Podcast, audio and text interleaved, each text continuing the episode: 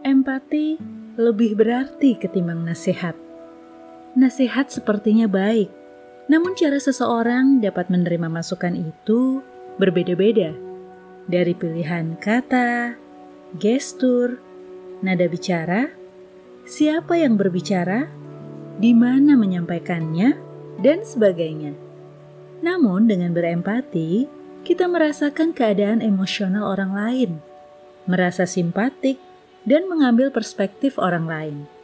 Situasi di mana seseorang merasakan didukung dan dimengerti itu akan lebih menenangkan hati, sehingga akan lebih mudah baginya untuk menyelesaikan persoalan dan mengambil keputusan.